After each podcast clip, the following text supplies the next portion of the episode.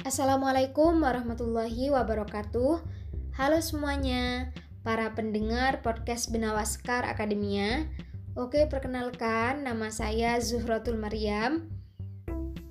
Alhamdulillah hingga saat ini saya masih menjadi anggota aktif di Benawaskar Akademia. Harapannya semoga bukan hanya saat ini ya, hingga sampai kapan pun saja Semoga saya masih bisa diberi kesempatan untuk mendapatkan rahmat keberkahan dari komunitas Benawa Sekar Akademia ini. Doa terkhusus untuk kapten kita, Mas Lufi Amrullah. Salam takdim kapten, semoga sehat selalu dan dilindungi oleh Allah Subhanahu wa taala dan bisa terus menebarkan keberkahan untuk kita semua. Uh, ya, oke, okay, langsung saja. Saat ini saya akan sharing dengan teman-teman semua tentang sistem ekonomi. Nah, kenapa ekonomi saja harus tersistem? Pada dasarnya, ekonomi kan interaksi sosial bermasyarakat seperti jual beli dan lain sebagainya. Dan lain sebagainya. Nah, begini, kita sebagai manusia dikenal sebagai makhluk yang mempunyai sifat konsumtif yang sangat luar biasa. Manusia mempunyai hak untuk mengeksplorasi bahkan mengeksploitasi alam secara besar-besaran. Nah, kita perlu tahu nih bahwa di bumi ini bumi kita mempunyai luas sekitar kurang lebih 510,1 juta kilometer persegi dan di dalamnya dihuni oleh miliaran manusia. Saat tahun 2020 ini, populasi manusia diperkirakan mencapai 7,7 miliar lebih. Bayangkan, wow, itu adalah suatu hitungan yang sangat luar biasa, populasi yang sangat luar biasa.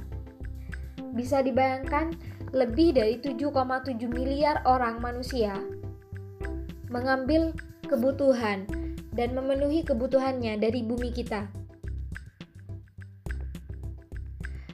Uh, kita patut sadari ya, walaupun kita berhak untuk mengambil kebutuhan, memenuhi kebutuhan dari bumi kita, dan kebutuhan kita itu tidak terbatas, ya kan? Selalu ada aja. Ketika kebutuhan satu terpenuhi, ya ada lagi kebutuhan B, C, dan lain sebagainya. Nah, tapi kita harus perlu menyadari nih, kita perlu sadar diri bahwa sumber daya alam di bumi ini sifatnya terbatas. Kita harus mengakui bahwa terbatas. Ya oke lah, diakui atau tidak, kita patut menyadari bahwa bumi ini telah mengalami kepunahan dan krisis alam. Dan faktor terbesar dari kepunahan dan krisis alam tersebut adalah manusia. Nah, sehingga jelas jika manusia bisa bertingkah sedemikian tingkah di bumi ini e, mengeksplorasi bahkan mengeksploitasi alam secara besar-besaran. Karena sejatinya tatanan biologis dan tatanan sosiologis yang ada di bumi kita mengandung nilai, mengandung value. Sehingga dengan nilai value ini e, setiap manusia berkompetensi untuk melakukan perekonomian. Mereka saling e, mendorong untuk melakukan perekonomian, saling menutupi untuk melakukan perekonomian. Tapi perekonomian yang dijalankan oleh manusia ini harus berdasarkan sistem yang dijalankan di setiap negaranya masing-masing. Lah, lalu beda ya sistem ekonomi di setiap negara? Jelas, hal tersebut berbeda. Mengapa? Karena ini didasari oleh beberapa faktor. Pertama, ideologi negara. Kedua, kesepakatan masyarakat bersama. Ketiga, sumber daya alam yang dimiliki. Keempat, kesesuaian dengan perundang-undang dasar yang dimiliki oleh setiap masing-masing negara. Jadi empat faktor ini yang membedakan sistem ekonomi di negara-negara di belahan dunia berbeda-beda. Tapi, Tujuan dari sistem ekonomi ini sama, walaupun sistem ekonominya bermacam-macam, e, berbeda-beda, tapi tujuannya sama, yakni satu, untuk mencapai kesejahteraan masyarakat. Jadi, ekonomi di sistem ekonomi ada sistem ini sebagai bentuk upaya untuk menyejahterakan masyarakat. Diharapkan ekonomi bukan hanya untuk mencapai kebutuhan manusia saja, tapi untuk mencapai kesejahteraan masyarakat. Hal tersebut sesuai dengan yang dikatakan oleh Adam Smith, bahwasanya sistem ekonomi adalah bahan kajian yang mempelajari upaya manusia memenuhi kebutuhan hidup di masyarakat dalam meningkatkan kesejahteraan. Oke, sistem ekonomi ini akan diklasifikasikan dalam tiga bentuk sistem yang sangat dasar, yakni pertama, sistem ekonomi kapitalis, kedua, sistem ekonomi sosialis, dan yang ketiga adalah sistem ekonomi Islam. Langsung saja kita ke sistem ekonomi yang pertama, yakni sistem ekonomi kapitalis. Sistem ini adalah sistem di mana aset sektor perusahaan ada di tangan perorangan, swasta, atau individu. Ketika aset sektor perusahaan ini ada di perorangan, swasta, atau individu, maka akan tercipta suatu budaya saing dalam kompetensi budaya saing dalam kompetensi ini harus dijunjung sekali dalam sistem ekonomi ini. Karena mengapa? Karena ketika kompetensinya bagus, maka akan menjunjung nilai laba yang tinggi. Nah, dalam sistem ekonomi ini, pemerintah tidak campur tangan dalam masalah aset sektor perusahaan, bisnis, dan lain sebagainya. Pemerintah hanya mempunyai fungsi sebagai pelindung dan pengamat dalam perekonomian. Nah, sistem ekonomi kapitalis ini banyak digunakan oleh negara-negara yang mempunyai ideologi ideologi Yahudi seperti Amerika, Belanda, Inggris, Jerman, dan lain sebagainya.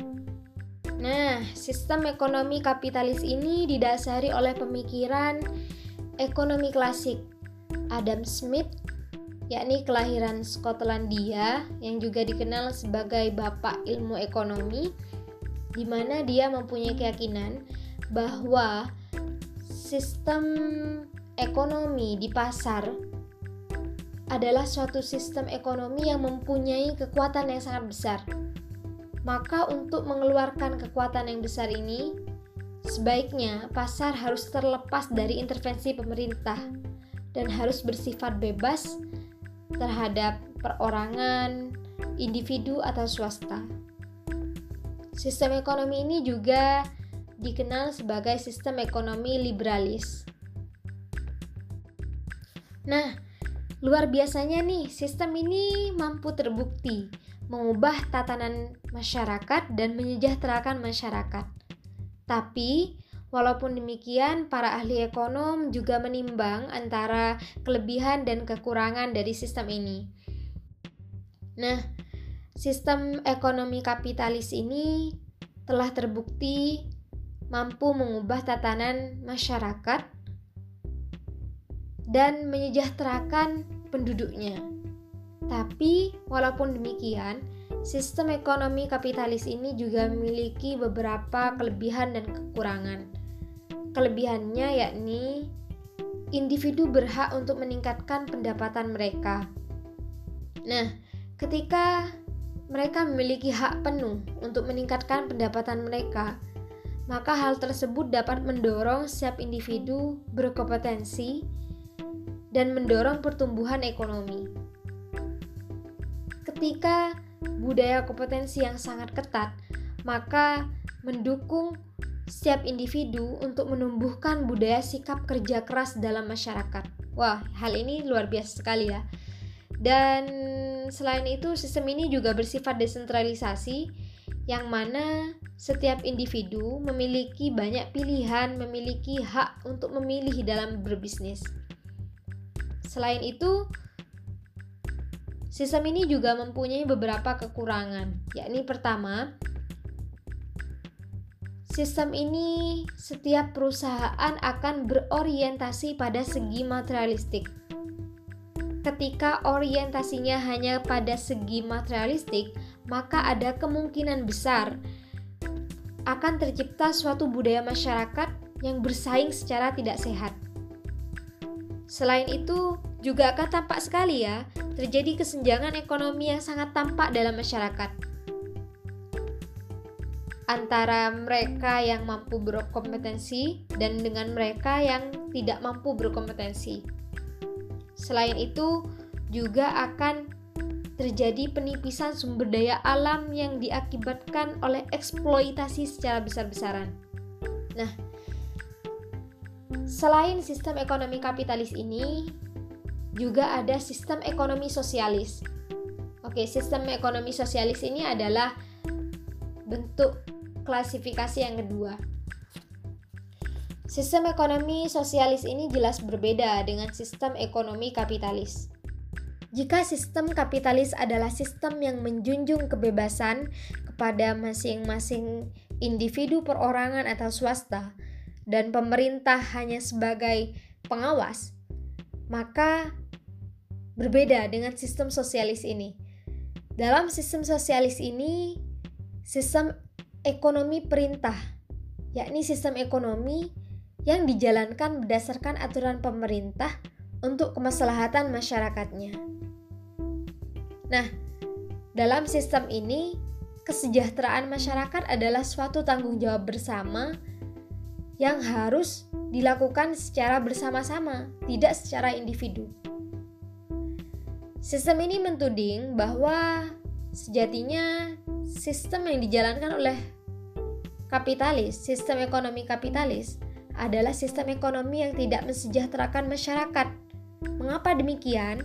karena sistem ini berkeyakinan dengan pemikiran yang menganggap bahwa suatu kemakmuran pribadi atau individu hanya dapat terwujud jika berlandaskan kemakmuran bersama. Nah, sangat berbeda sekali ya dengan sistem kapitalis. Sistem sosialis ini lebih bersifat kolektif dan kebersamaan. Pemerintah dalam sistem ekonomi ini mempunyai fungsi untuk mengatur, merencanakan, mengontrol, dan mempunyai hak penuh dalam sistem perekonomian dalam negaranya. Sistem ekonomi ini juga disebut sebagai sistem ekonomi totaliter. Selain itu, juga ada yang menyebutkan sistem ini adalah sistem ekonomi komunis. Nah, dalam prakteknya ini nih, sistem sosialis ini dijalankan oleh beberapa negara seperti Vietnam, Laos, Kuba, Rusia, dan lain sebagainya. Sistem ekonomi sosialis ini dilatar belakangi oleh pemikiran sosial radikal Karl Marx, seorang kelahiran Jerman 5 Mei 1818 yang lalu yang memiliki pandangan bahwa sebenarnya hak individu harus dihapus. Hak kepemilikan tanah, hak kepemilikan sektor, perusahaan, industri, dan bisnis lain dan lain sebagainya. Perorangan individu atau swasta tidak berhak memiliki hal tersebut. Begitu pandangan Kalmat. Hal tersebut juga sesuai dengan pandangan yang dikemukakan oleh Henry de Saint-Simon, seorang tokoh ekonom yang lahir di Paris, Prancis pada 17 Oktober 1760 yang lalu.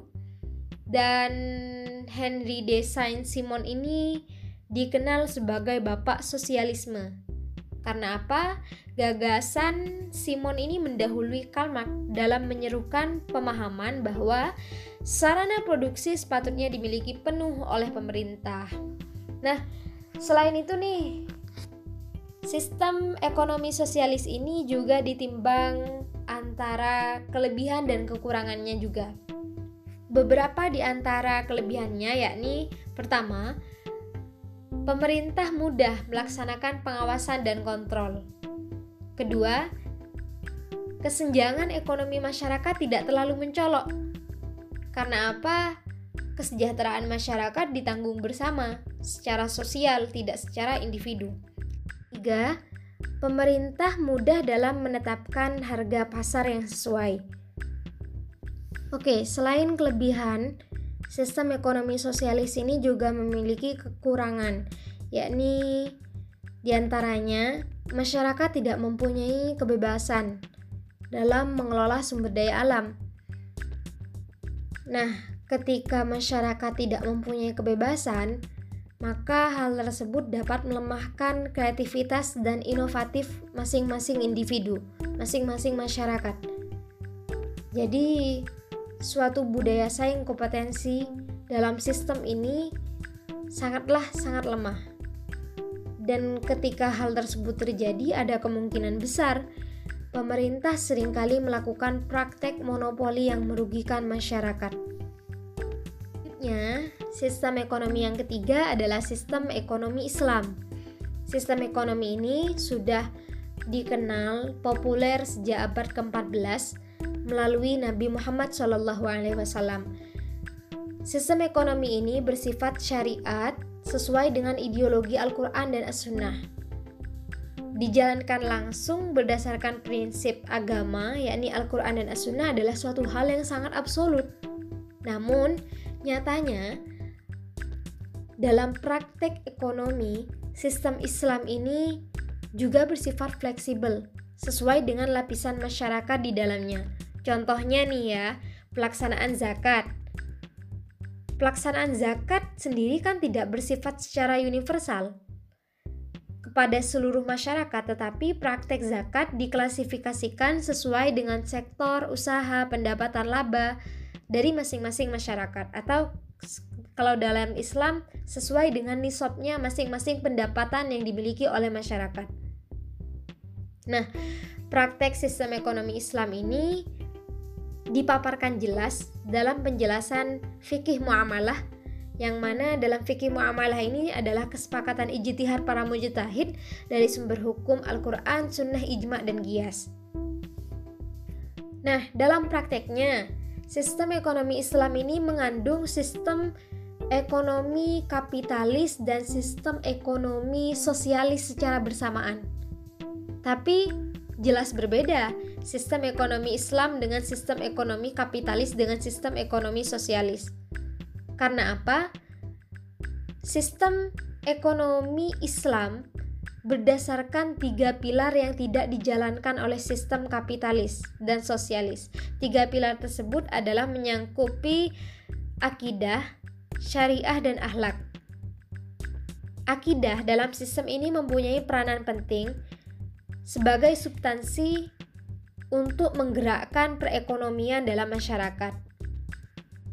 Selanjutnya syariah difungsikan sebagai batasan aturan dalam mengaplikasikan langkah perekonomian. Jadi dalam syariah ini ada aturan-aturan yang mana yang halal, yang mana yang haram. Selanjutnya selanjutnya ada nilai akhlak.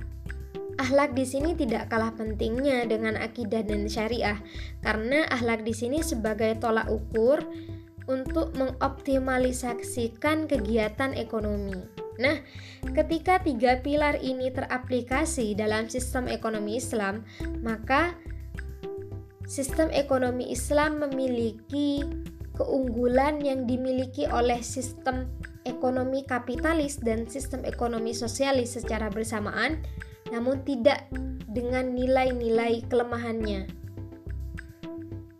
Tiga pilar akidah, syariah, dan akhlak ini menjunjung ciri-ciri sistem ekonomi Islam ini.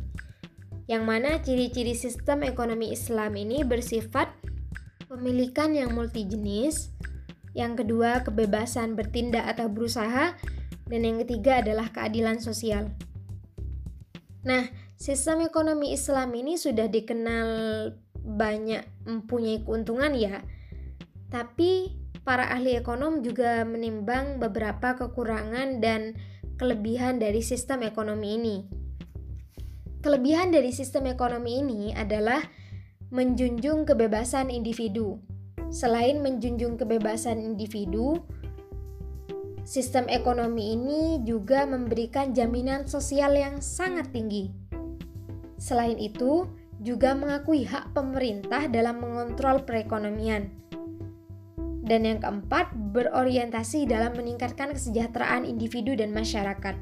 Jadi, dalam sistem ekonomi ini tidak hanya berorientasi pada individu atau sosial, Tapi dalam sistem ekonomi ini, individu dan sosial mencangkup secara bersamaan.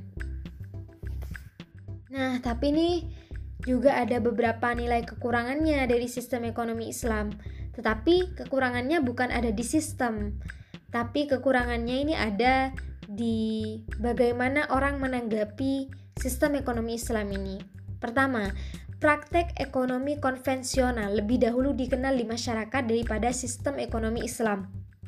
Nah, yang ketiga juga perkembangan literatur ekonomi Islam yang lambat. Lebih dahulu dikenal sistem ekonomi konvensional daripada Islam.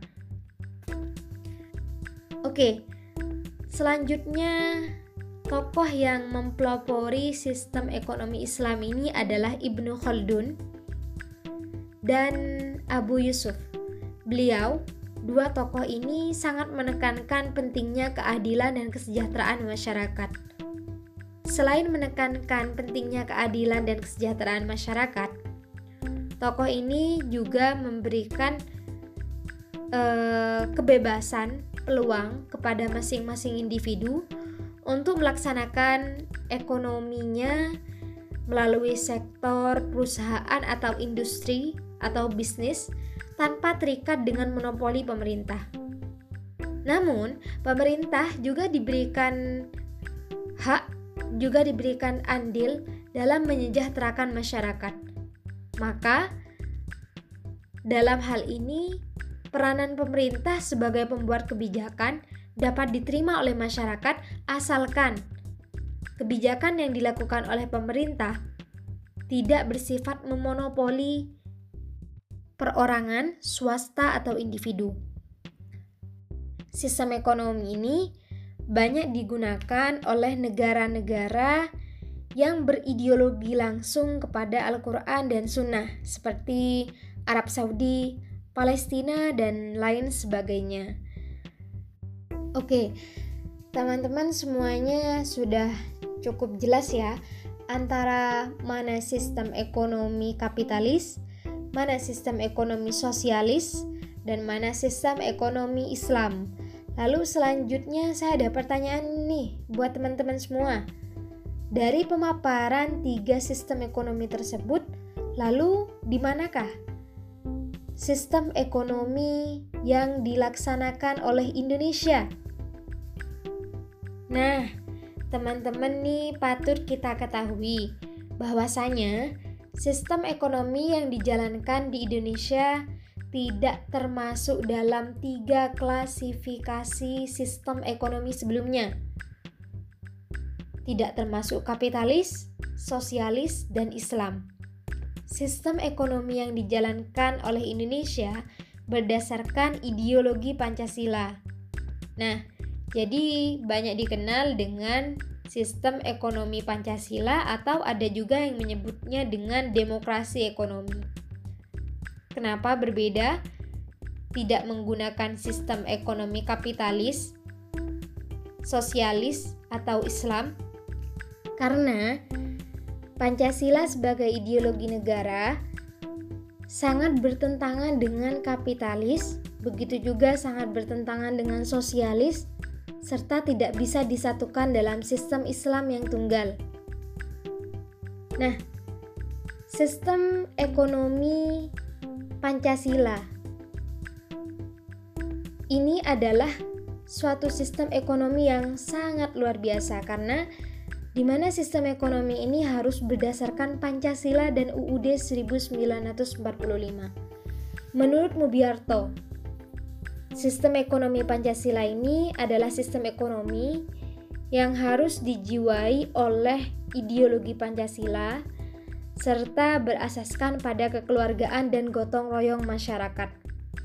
Sistem ekonomi ini harus memegang teguh pada ideologi negara dan landasan ideal negara, yakni pada Pancasila dan UUD 1945 dalam bab kesejahteraan sosial pasal 33 yang juga ditunjang dengan pasal 18, 23, 27 dan 34. Pasal tersebut sebagai kode etik dalam mewujudkan ekonomi yang mampu menyejahterakan masyarakat. Nah, selanjutnya nih, jika sistem ekonomi bertujuan sebagai sarana untuk menyejahterakan masyarakat, maka sepatutnya sistem ekonomi tersebut sesuai dengan kehendak masyarakat. Ya, bukan? Ya, jelas. Lalu, apakah sistem ekonomi Pancasila yang dijalankan oleh Indonesia mampu memberikan kesejahteraan untuk masyarakat secara umumnya? Mengingat mayoritas masyarakat yang beragama Islam. Lalu, selanjutnya, apakah dalam praktek sistem ekonomi Pancasila ini sudah sesuai dengan prinsip sistem ekonomi Islam? Mengingat Islam juga mempunyai prinsip-prinsip ekonomi yang bersifat absolut juga. Nah, oke. Okay. Begini, pada nyatanya Pancasila kita ini sudah terbukti kesaktiannya sampai 75 tahun hingga saat ini. Dan kemajemukan masyarakat bukan suatu hal yang baru di Indonesia. Sistem ekonomi Pancasila tidak dapat diganggu-gugat oleh siapa pun. Karena pada nyatanya, Indonesia telah mampu membangun perekonomian dengan landasan Pancasila hingga saat ini. Kesejahteraan masyarakat dengan menggunakan sistem Pancasila ini juga tidak bisa diragukan. Setidaknya, hingga saat ini Indonesia mampu melakukan perubahan sosial yang sangat luar biasa di bidang ekonomi, seperti budaya dunia industri. Kita lihat saja, budaya dunia industri sudah merambah sangat cukup luas dalam masyarakat Indonesia. Sudah ada perusahaan perumahan, industri perumahan, industri besar, dan lain sebagainya. Selain itu, mayoritas penduduk juga berhubungan baik dengan pemerintah. Buktinya, mayoritas penduduk membayar pajak yang ditetapkan oleh pemerintah. Nah, ketika interaksi sosial masyarakat seperti ini dianggap hal ini telah mencapai kesejahteraan sosial secara global. Nah, secara global masyarakat Indonesia ini adalah beragama Islam. Maka jelas masyarakat Islam juga merasakan perubahan ekonomi di Indonesia ini sudah sangat cukup luar biasa. Dan kita perlu tahu bahwa nilai butir Pancasila yang ada di dalam Pancasila sendiri sudah sangat bernilai religius. Maka, dapat dibenarkan jika sistem ekonomi Pancasila ini mampu menyatukan kemajemukan masyarakat, perbedaan agama, perbedaan suku, budaya, dan lain sebagainya, bahkan dalam praktek-praktek sosial keagamaannya sekalipun. Negara Indonesia sebagai negara bineka tunggal ika sangat menjunjung kemajemukan penduduknya, sehingga Indonesia harus mengambil keputusan yang bersikap nasionalis, tidak mendukung salah satu pihak atau meninggalkan pihak yang lain. Maka keputusan negara diambil secara adil, bersikap universal, tidak memihak pada salah satu golongan. Namun di sisi lain, Indonesia juga menjunjung tinggi ketuhanan yang Maha Esa, yakni kebebasan beragama baik secara keyakinan maupun interaksi sosial dan praktek keagamaan yang lainnya. Salah satunya adalah sistem ekonomi. Contohnya, agama Islam juga mempunyai praktek keagamaan di bidang ekonomi yang tidak tertulis dalam aturan negara. Contohnya seperti zakat, waris, dan wakaf. Dalam permasalahan hal ini, maka agama menyetujui dengan negara hal-hal yang berhubungan dengan agama dan negara yang tidak diatur oleh negara akan dilarikan kepada pengadilan agama. Nah, tapi untuk zakat yang pemenuhannya secara individu, maka hal itu tidak masuk dalam peradilan agama. Ketika seperti waris dan wakaf, maka peradilan agama menetapkan hukum sebagaimana dalam kompilasi hukum Islam. Nah, buat teman-teman semua, kita perlu yakin nih bahwa apa yang terkandung dalam Pancasila sudah sesuai dengan Islam. Walaupun sistem ekonominya pun menggunakan sistem ekonomi Pancasila, itu sudah sesuai sekali dengan ajaran dalam Islam.